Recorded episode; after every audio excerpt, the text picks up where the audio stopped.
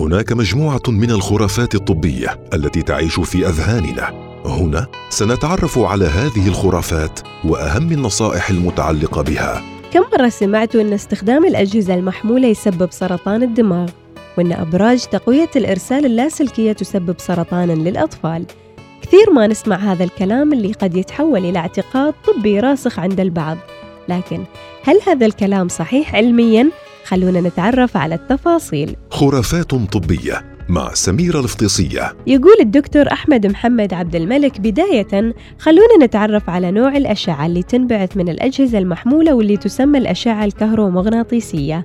هذه الأشعة تحيط بنا من كل مكان منها مضر كالأشعة فوق البنفسجية والسينية والنووية ومنها الإشعاعات المنبعثة من الأجهزة الإلكترونية وأجهزة الواي فاي والراديو والتلفزيون.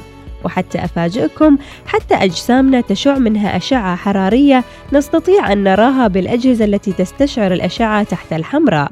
والأشعة المنبعثة من التليفون المحمول صغيرة جدا لأنها أقل بواحد من البليون من الأشعة السينية أو ال X-ray اللي تلتقطها في غرفة الأشعة بالمستشفى.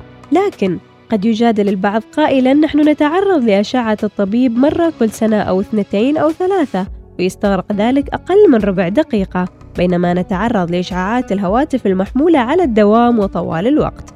وهذا يعني أن نتعرض للكثير والكثير من هذه الأشعة فهل يمثل ذلك خطورة على صحتنا؟ خلونا نتعرف على نتائج أكبر بحثين علميين عن هذا الموضوع. البحث الأول دراسة كبيرة من إمبريال كوليج لندن ممولة من الحكومة البريطانية واستمر 11 سنة. واستخدم الباحثون البيانات العامة المتاحة من مكتب الإحصاءات الوطنية في المملكة المتحدة للنظر إلى مسارات معدلات الإصابة بسرطان الدماغ اللي تم تشخيصها حديثا في بريطانيا في الفترة ما بين عامي 1998 و 2007 وكانت النتيجة لا يوجد رابط بين تقنيات الأجهزة المحمولة أو الواي فاي وسرطان الدماغ ولا يوجد رابط بين بروج تقوية الاتصالات وظهور السرطانات عند الأطفال. أما البحث الثاني دراسة كبيرة جدا قام بها الباحثون في معهد السرطان الوبائي في الدنمارك شملت 358 ألف مشارك من مستخدمي الهاتف الخلوي بشكل متواصل ويعتبر هذا البحث الأشمل والأوسع تم إجراؤه حتى الآن وكانت النتيجة تبين أن نسبة الإصابة بالسرطان لدى من يملكون هواتف خلوية منذ 13 عاماً كانت مساوية تماماً لنسبة الإصابة لدى من لا يستخدمون الهواتف الخلوية.